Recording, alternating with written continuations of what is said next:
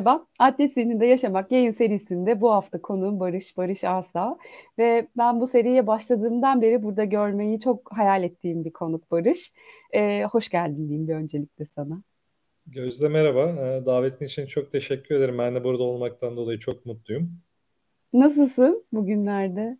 Vallahi iyiyim. Çok yoğun geçiyor. Yani iş koşturmacısının yanında e, aktiviteler artık başlıyor. Bizim yarışmalarımızın hızlandığı dönemler. E, senin de aynı şekilde. Yaz aylarının gelmesiyle. E, tabii antrenman devamlılığını da sağlamamız gerekiyor. E, bir yandan aile hayatım var. E, birazdan anlatacağım tabii kısa kısa. E, çok yoğun yaşıyoruz. Yani bugün de 24 saat yetmemeye başladı. E, artık uykumuzdan feragat etmeye çalışıyoruz bir noktada. Ama keyifli, evet. heyecanlı geçiyor. Kesinlikle benim yani birazdan tabii hikayeni konuşacağız. Müthiş ilham veren bir hikayen var ama seninle ilgili en çok sevdiğim şeylerden bir tanesi gerçekten o enerjiyi taşıdığını göstermen, aktarman birçok insana da ilham oluyorsun. Çok Üretmeye çok devam ediyorsun. Şimdi biraz e, seni aslında hani kazadan önce kazadan sonra diye de biraz sohbet edelim yani isterim. O, o biraz milat gibi zaten evet öncesi sonrası. Değil mi? Barış e, birçok insanın tanıdığı bir isim ama tanımayanlar için şöyle özetleyeyim. 2 Temmuz 2018'de değil mi Barış? E, Doğru. Hayatını dönüştüren, değiştiren çok büyük bir kaza geçiriyor. Şimdi kazaya geliriz birazdan konuşuruz ama öncesinde bir gidelim. Neler yapıyordu Barış? Hem mesleğin, spor hayatında vardı biliyorum. Barış Asa kimdir? Kısaca ondan bahsedeyim. 29 Ekim 1985 Bursa doğumluyum. Evliyim e, bir, bir kızım var. Şu an 5 yaşında. Çok da tatlı. Çok çok teşekkür ederim. Onun, onun enerjisi zaten belki de beni bu kadar enerjik yapıyor. Onun sevgisi. Senin de aynı şekilde bir oğlum var. Doğru biliyorum. Evet, evet. Allah bağışlasın. Çok sağ olun. Ee, eczacıyım normalde. Ee, eczacılık mesleğiyle ilgileniyorum. Yaklaşık 14 senedir kendi eczanem var. Kendi eczanemi işletiyorum. Eczane eczacılığı yapmaktayım. Bunun yanınız, yanında da Bursa Eczacı Odası'nın yönetim kurulunda e, yine aktif olarak devam etmekteyim görevimi. Fakat bugün burada e, eczacı kimliğimden size spor sporla nasıl tanıştım, sporcu kimliğim nasıl eczacı kimliğimden daha ön plana çıkmaya başladı. E, o hikayemle karşınızdayım. Ondan biraz daha bahsedeceğim sizlere. Bisiklet vardı değil mi Barış? Hayatında uzun zamandır e, vardı. Bisiklet şöyle aslında biz daha öncesinde bir arkadaş grubu böyle hepimiz motosiklet kullanıcısıydık. Ee, yaklaşık yıllara gitmiş olsam 2012'den itibaren motosiklet kullanıcısıydım. Fakat sonradan e, motosiklet kullanmanın vücuduma hep zarar olduğunu fark ettim. Yani o turların sonunda o yemek e, molaları ve motosikletçileri bilirsin yani en iyi lezzet duraklarının hepsine geldi onlar bilirler. E, baktık bunun bize hiçbir faydası yok. E, zaten arkadaşlarıma fitilleyen de ben oldum. Dedim ki ben, biz kendimize bir tane başka bir araç bulalım. Yine iki tekerlekli. İşte rüzgarı hissedin, doğayı, o kuşları, hayvanların doğanın güzelliğini istediğimde bir araç arayışla girmiştim. Bu noktada karşıma bisiklet çıktı. Bisikletle tanışmam yaklaşık 2015 yıllarına dayanmakta. Ee, yine bir şöyle tanışıklığım oldu bisiklette. İstanbul'da düzenlenen CNR'da bir motosiklet fuarına gitmiştik. Motosiklet fuarı ile bisiklet fuarları yan yanadır. Bisiklete de e, ayrı bir fuar alanı verirler. Orada motosikletlere baktıktan sonra bir de bisikletlere bak, bakıp incelemiştim. Ee, yine orada da bir Train FX modelleri vardı, şehir bisikletleri. Hmm. Direkt merakım ve sevgim daha oradan başlamaktaydı. Ee, onları bir göz atmıştım, incelemiştim. Aslında daha o zaman bir tane bisiklet almayı kafama koymuştum. Sonra şehrime Bursa'ya geri döndüğümde işte Bursa'mızda yerel bir bisikletçimiz var. Türkiye'nin büyük bisikletçilerinden Aydın Bisiklet. Ee, onları bir ziyaret etmiştim ve oradaki modelleri incelemiştim bisiklet modellerini. Ee, sonra tabii o zaman dolar e, kuru fiyatlar çok daha düşük ülkemizde. Evet. 1500 Türk lirası karşılığında bir tane bisiklet aldım. Ee, sonra arkadaşlarımla dedim işte ben böyle dedim bir tane bisiklet aldım. Hepsi bana dalga geçti güldüler. Ya dedi sen kafayı yemedin bisiklete de 1500 lira para mı verilir? 3 defa bineceksin işte her binişin 500 liraya gidecek falan diye bir alay konusu oldu. Fakat sonra işte benim bir başlangıcımda tüm grup arkadaşlarım hepsi bisiklet aldılar. İşte ufak tefek pratik kadar e, doğa gezileri, e, kısa mesafeler sürmeye başladık. Fakat tabii bunu devamlı yaptıkça gelişen kondisyonla beraber farklı branşlara kaymaya başladım. O sırada da zaten en büyük hayalim yol bisiklet sahibi olmaktı. Senin de şu an e, arkandaki gibi. Evet. zaten vites sistemleri, renkleri çok farklılardı normal şehir bisikletlerinden. Onun en büyük hedefim bir tane yol bisikletine sahip olmaktı. Sonra kısa zamanda bir yol bisikletine sahip oldum. Ve işte yarışma tutkusu, grand fondolara katılmak falan derken sonra farklı disiplinler daha bisiklet aldım yanına koydum. Yani bir bisiklet e, deryasının içine e, girmiştik artık. Geri dönüş olmayan bir olay. Öyle değişik ve hala süre gelen müthiş bir aşkla bu sporu yapmaktayım, ilgilenmekteyim. Böyle şey gibi değil mi? Damardan bir kere gelince çıkmıyor. Ben de çok benzer bir deneyimi yaşadım. Evet, İnsan bir kere içine girmeye görsün. Anlamadan ele geçiriyor. Çok değişik bir şey ve sürekli bir süreklilik istiyor. Artık zaten şeye dönüşüyor iş belli bir süre sonra.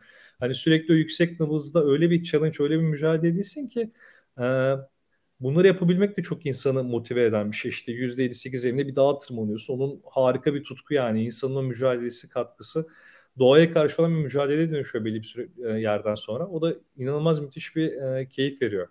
Evet kesinlikle. O da bir işte binenlerin anlayabileceği bir belki kesinlikle. enteresan bir tutku hepimiz için.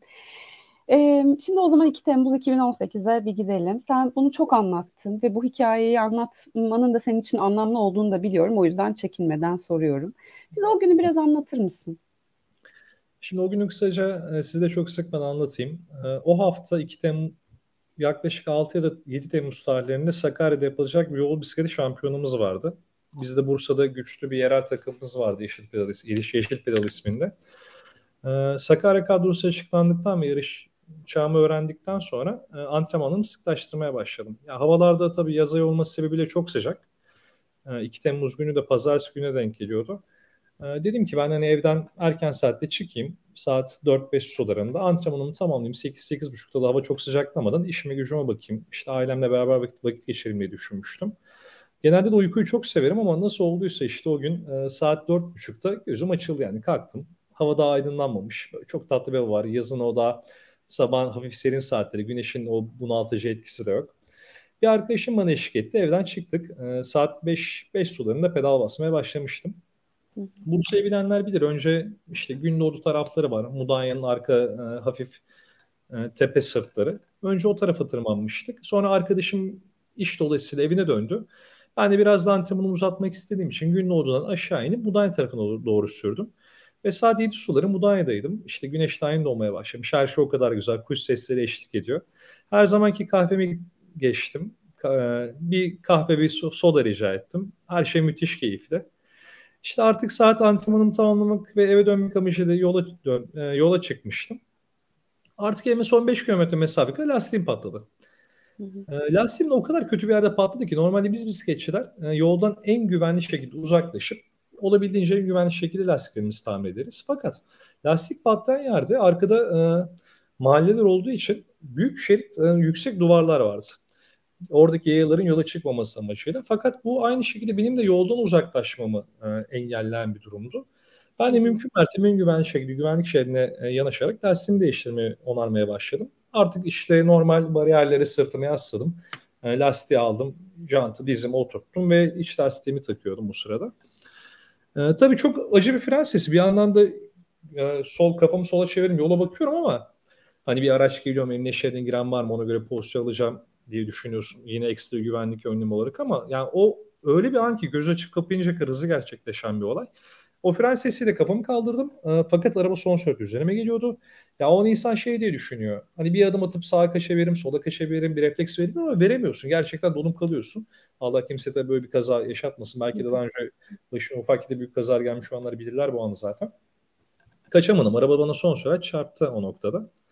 E, tabii yere düştüm. E, çok sevdiğim bir bisikletim vardı. Trek Madon. Yine Madon kullanırım. O zaman kazada paramparça oldu. Benim için anlamı yine çok büyüktür. E, ilk yere düştüğümde e, tabii ben birkaç taklit falan atmışım. O kadarını hatırlamıyorum. Sonradan kaskım da hatta. Kafamda da kaskı çıkarmamıştım kaza sırasında. E, kaskım da parçalanmıştı. Herhalde kaskımın üzerine düşmüşüm. Tam bilemiyorum artık o kısmı. E, ilk yere düştüğümde kafamı çevirdiğimde bisikletimin kırık maşası e, gözümün önüne geldi. O an için bir cız etmişti zaten ya bisikletin maşası kırılmış falan diye. Ama halbuki o an o noktada kayıplarım çok daha fazlasıydı. Zaten vücudum büyük bir acıyla e, kıvrılıyordu yani yanıyordu resmen. E, tabii zaten çevrede bir sürü insan toplandı. İnsanların reaksiyonları çok acı vericiydi. İşte insanların zaten bağırışları ve çağrışların tablonun çok iyi ve parlak olmadığını hissedebiliyordum o an. Fakat tabii kafamı kaldırıp da olayın da e, durumuna bakmaya da çok cesaretim yoktu. İşte insanlar beni telkin etmeye çalıştılar. İşte ayağında sadece kırık var, sakin ol e, diye beni telkin ettiler.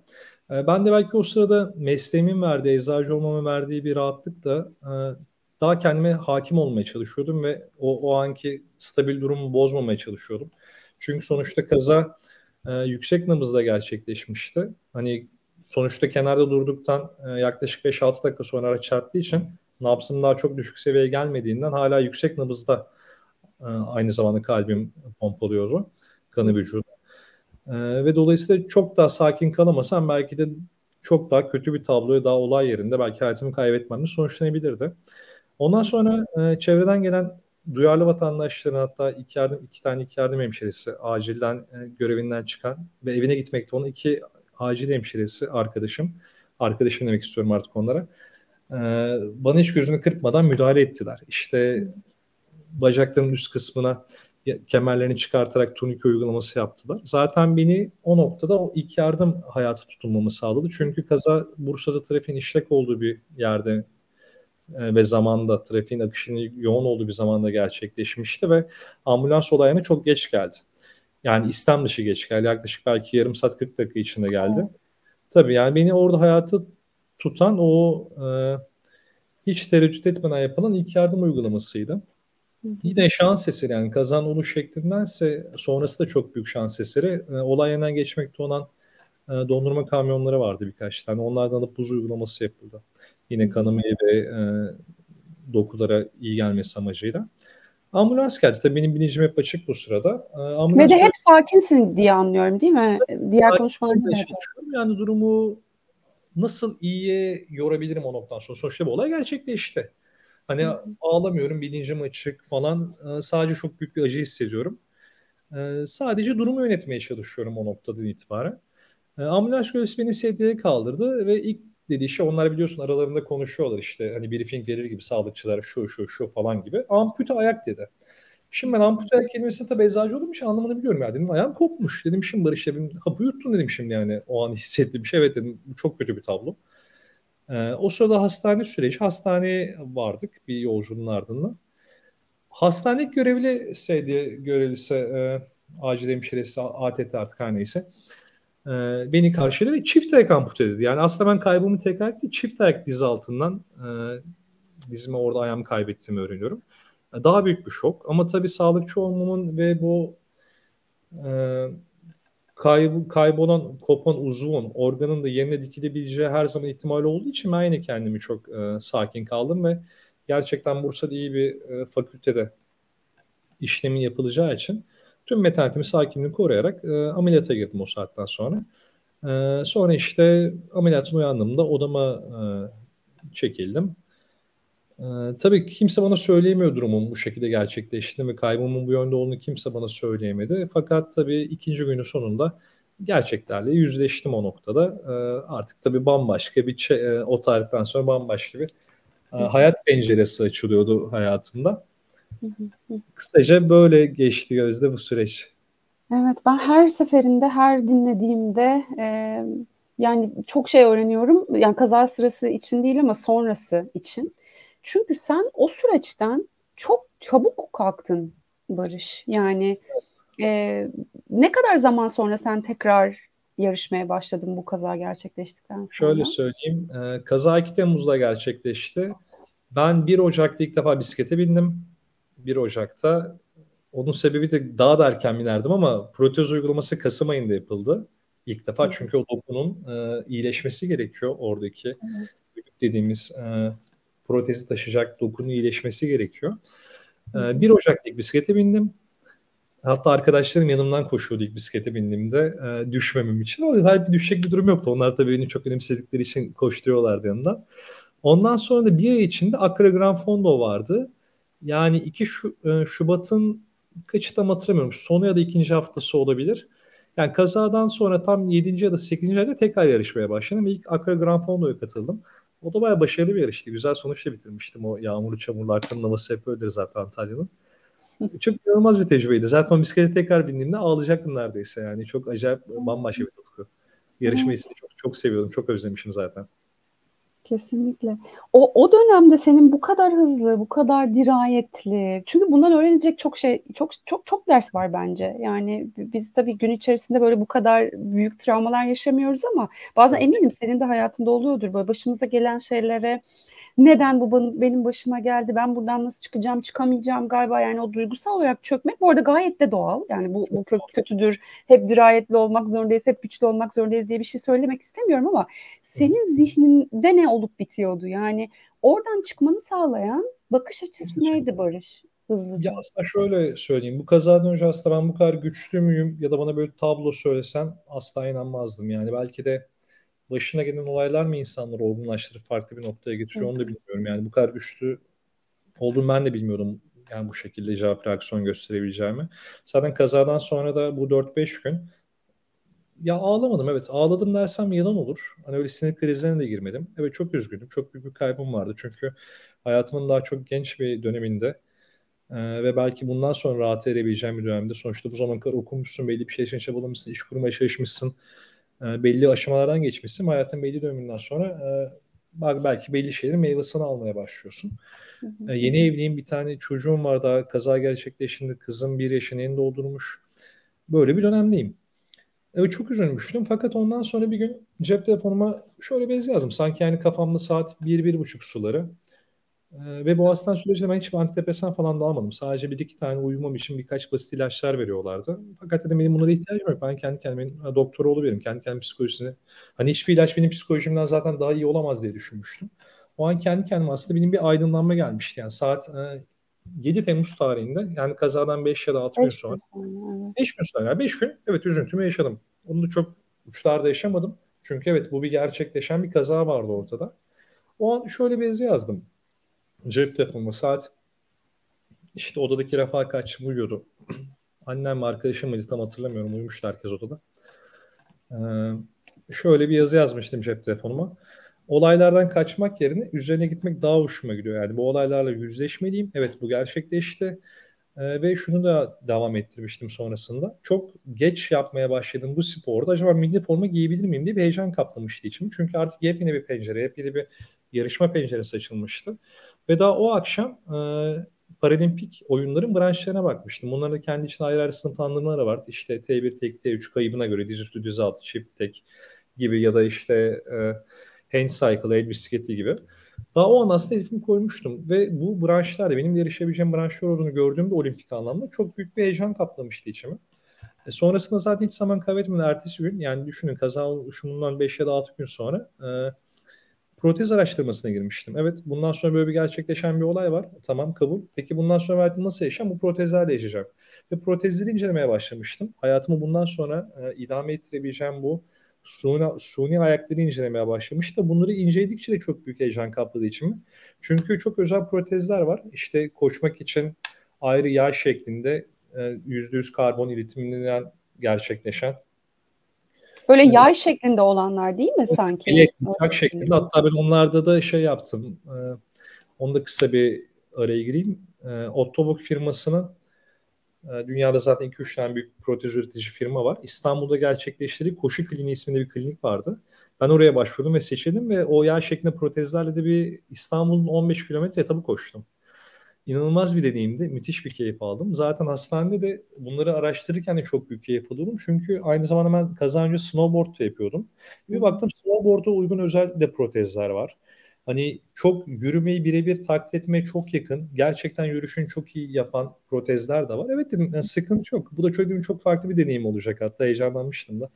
Biraz böyle değişik bir süreçti. Sonra ailemden hastane sürecinde ağırlık takımlarımı istedim. İşte yatakta e, ufak ufak damla hareketleri yapmaya başladım. Aslında kaza sonrası işte bu 5-6 günden sonra hedefim hep belliydi. O hedef üzerinde e, çalışmalarıma devam ettim. Hala devam etmekteyim. Aslında iki tane çok kıymetli şey söylüyorsun. Bence içinden çok büyük dersler çıkartabileceğimiz. Bir tanesi sandığımızdan daha güçlüyüz.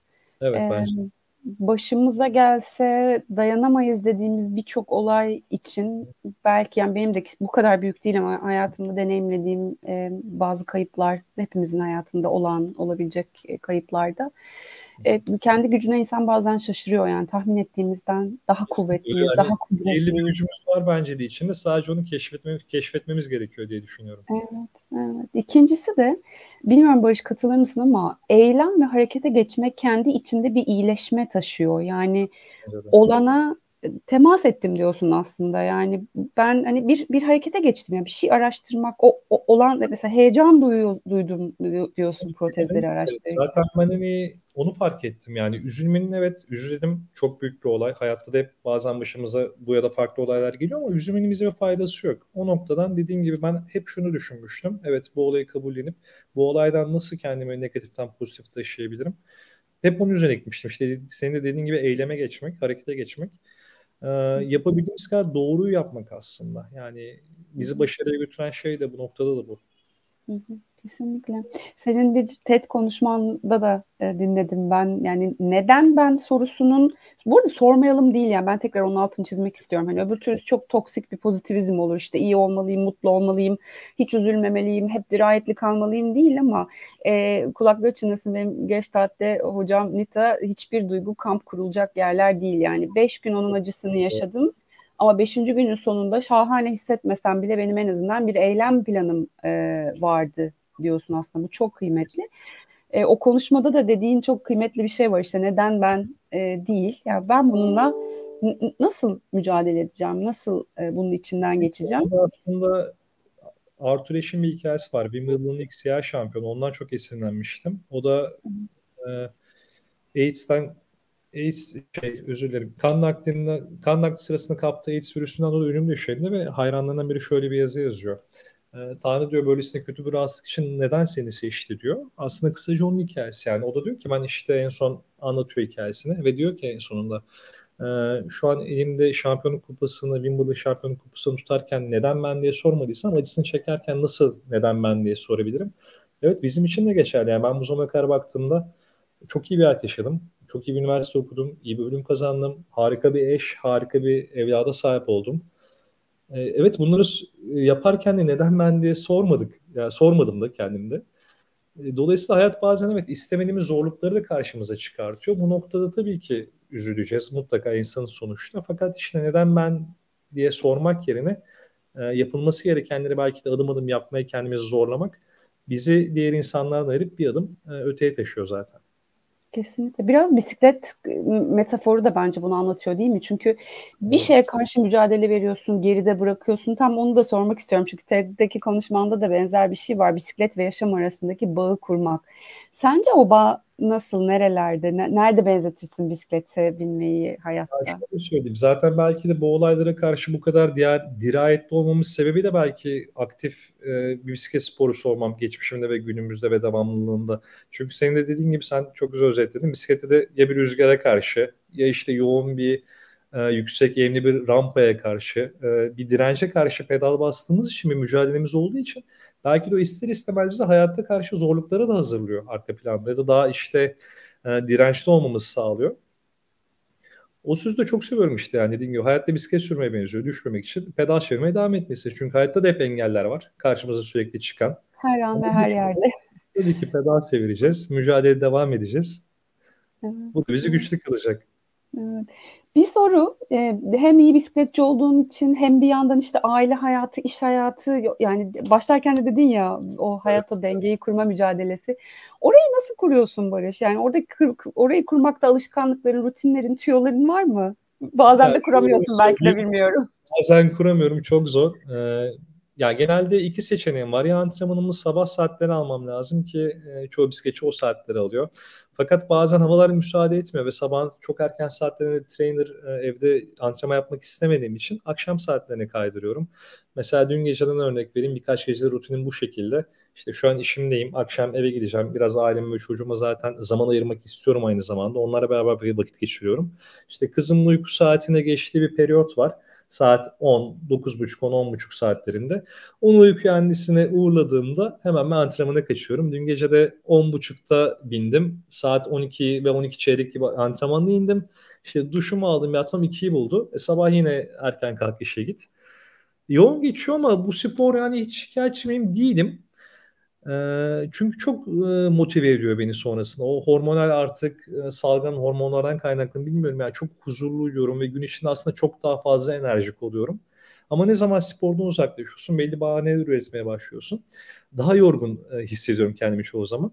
Çok doğru. Çok şikayetçi değilim yani spora bu noktada zaman ayırma belki de kendim için ayırıyorum. Çünkü o beni motive kılıyor. Yani yapmadığım zaman mutsuz oluyorum. Çünkü bir alışkanlığım da var bu süreçte. Bir de bizim zaten yarışmalarda da e, sen de çok iyi biliyorsun. Antrenman devamlılığımızın da çok e, iyi ve yüksek seviyede olması gerekiyor. Yani o antrenmandan e, yapmadığımızda o bize hep negatif olarak yansıyor. İşte nabız değerleri olarak olsun, güç değerleri, solunum değerleri olarak olsun. Bir nevi de o acıyı tekrar tekrar yaşamamak için zaten antrenman e, devamlılığını da sağlamamız gerekiyor. Evet. Koşturmaya devam Gözde. Aynen evet devam. Bir de şeyi fark ediyorum. E, demin de dedin ya alıştıktan sonra bırakması zor. Bunu hani çok bunun içinde olmayanlar için biraz garip geliyor kulağa belki ama evet. aynı, aynı şeyi ben de hissediyorum. Böyle birkaç gün üst üste yapmadığında vücut belki de o hormonu tekrar bir şekilde salgılamayı e, istiyor. Kesinlikle onun aslında bağımlısı oluyoruz bir noktada. Ee, zaten hayat hep öldü mesela. Şekeri de bırakmak için 21 gün kullanmazsın. 21 gün e, şey derler onu 3 hafta. Belki de bu sporu işte haftalarca ve günlerce bir devamlıkta yaptığımız için artık belli bir periyoda oturmaya başlıyor. Ben de genelde haftada e, 7 gün antrenman değil de 6 gün antrenman yapıyorum. Bir günü genelde off geçiyorum. Hı hı. Bu da, da belki devamlılığı sağlıyor yani. Hı hı. Evet, evet. En büyük hayalin ne? Milli forma. Ne zaman olacak sence? Olacak mı? Bilmiyorum. Çok çabalıyorum. Yani ama ülkemizde bu tarz şeyler çok zor oluyor maalesef. Başka bir ülke vatandaşı. Bisiklete binmek bile başlı başına çok zor. Evet, yani kültürel anlamda çok zor işte. Geçen şu an Trop Türkiye koşuluyor. İzmir'de bir sürü naaş olaylar oldu. Bisiklet çok büyük bir kültür. Bence ilerleyen yıllarda Türkiye'de de çok büyük bir ışık olarak parlamaya devam edecek. Birçok spor branşının önünde geçeceğine inanıyorum. Fakat bu zaman alacak. Yani bir bayrak yarışı gibi. Bizden işte ben buluyorum bu paralimpik branşların. E, olimpiyat komitesine, paralimpik komitede açılması için işte Bedensel Gel Federasyon tarafında ve Türkiye Bisiklet Federasyonu tarafında. E, kendim için de değil. Sonuçta bu dediğim gibi bayrak yarışı. Benden sonra benden sonraki sporculara da geçecek. Ki çok başarılı yine paralimpik sporcu arkadaşlarım da var. E, yarışlarda çok yarışmaktan çok keyif aldım. Gerçekten teker tekere çok centilmence mücadele ettim. Gerçekten hak ediyoruz belli şeyleri. Çok, çok emek harcıyoruz ve bunu hiçbirimiz en ufak bir maddi beklentisi olmadan e, istiyoruz. Yani tamamen o milli manevi duygularla. Bakın umarım e, çok da geç olmadan bir gün olur. Ben bunun için her zaman yarın olacakmış gibi çalışmalarımı hazırlıklarıma devam ediyorum zaten. En azından kendim için ediyorum hiçbir şey olmasa da. Çünkü keyif alıyorum bu sporun bir parçası olmaktan, içinde bulunmaktan. Kesinlikle. Şey dedin ya o çok önemli. Yarın olacakmış gibi böyle e, evet. şansla ilgili bir e, makale okumuştum günün birinde. E, işte kendini hep böyle şanslı gören ben şanslıyımdır hayatımda diyen insanların zaten bu bakış açısıyla baktığını söylüyor aslında makalenin özeti. Yani hazırdım çünkü şans dediğin şey kapıyı çaldığında hazır mıyım değil miyim? hazırlanıyorsun ve o zaten sürecin kendisi bir, bir anlamda da yolculuk değil mi? Yani sonunda aldığın madalya vesaire yani yarışın sonu değil süreç yani, galiba. Hissettiğim hep şey şu e, eğer işte o madalyayı alabilirsem ya da olimpiyat sporcusu olabilirsem o formayı giydiğimde gerçekten amaçlarıma ulaşmış olacağım ve bu süreçteki tüm çabalarımın gerçekten boşa gitmediğini hissetmiş olacağım manevi olarak. Ee, yarın öbür gün işte belki kızıma güzel bir armağan vermiş olacağım. Yani tamamen onun için bakalım. İnşallah olur. Son bir sorum var sana kapatmadan önce. Ee, böyle yayının adına uygun e, en bence e, anlamlı isimlerden biri sensin. Atlet zihninde yaşamak. Sence atlet zihninde yaşamak ama sporu çıkartarak soracağım. Çünkü atlet zihninde yaşamak da bizim burada anladığımız şey sadece bir spor yapmak ya da bir yarışmak. Ya yani gün içinde de biz aslında maratonlar koşuyoruz, sprintler atıyoruz. İşte zorlayıcı bir ilişkiye karşı bir duruş sergiliyoruz. O bile insanın fiziksel dirayetini, kudretini, kuvvetini gerektiriyor. Sence atlet zihninde yaşamak ne demek? Spor dışında anlatırsan. Spor dışında atlatırsam atletizmle yaşamak bence öncelikle her olumsuzluğa karşılıklı hazır olmak. Ee, işte hayatta karşımıza çıkabilecek tüm olumsuzlukları, kötü şeylere karşı hazırlıklı olmak ve bunlara karşı yılmamak e, benim nezdimde. Daha mücadele edebilmek, e, inanmak. Herhalde bu şekilde özetleyebilirim. Beni de özetleyen kelimeler olarak. Kesinlikle. Ee, çok ilham aldığım bir isimsin Barış ve dilerim ki birçok insanın e, gönlüne dokunulacak e, bu hikayeye daha çok insana da ulaşsın isterim. Ee, iyi ki seni tanıdım ve yani inanıyorum ki yollarımız bir yerlerde bir kez daha ya yarışta ya başka yerlerde. Zaten tekrar... ayrımdan koşacağız herhalde. Evet evet Kasım'da bu arada değil mi yani niye Kasım'a aldıklarını da bilmiyorum 6 Kasım Yağmur çamuruyla bizi koşturacaktır öyle gözüküyor. Ben tabii Gerçekten. bir relay takımı arıyorum. Bakalım belki geçen seneki takımımızda olmazsa da mutlaka organizasyon işte bulunmak istiyorum. Çok keyifliydi çünkü. Evet. Bakalım evet. inşallah. İnşallah. İyi ki geldin. Çok teşekkür ederiz. En Ben kısa zamanda tekrar görüşmek üzere. Görüşmek üzere tekrar inşallah en kısa zamanda. Hoşça kal. Bay bay. Bye.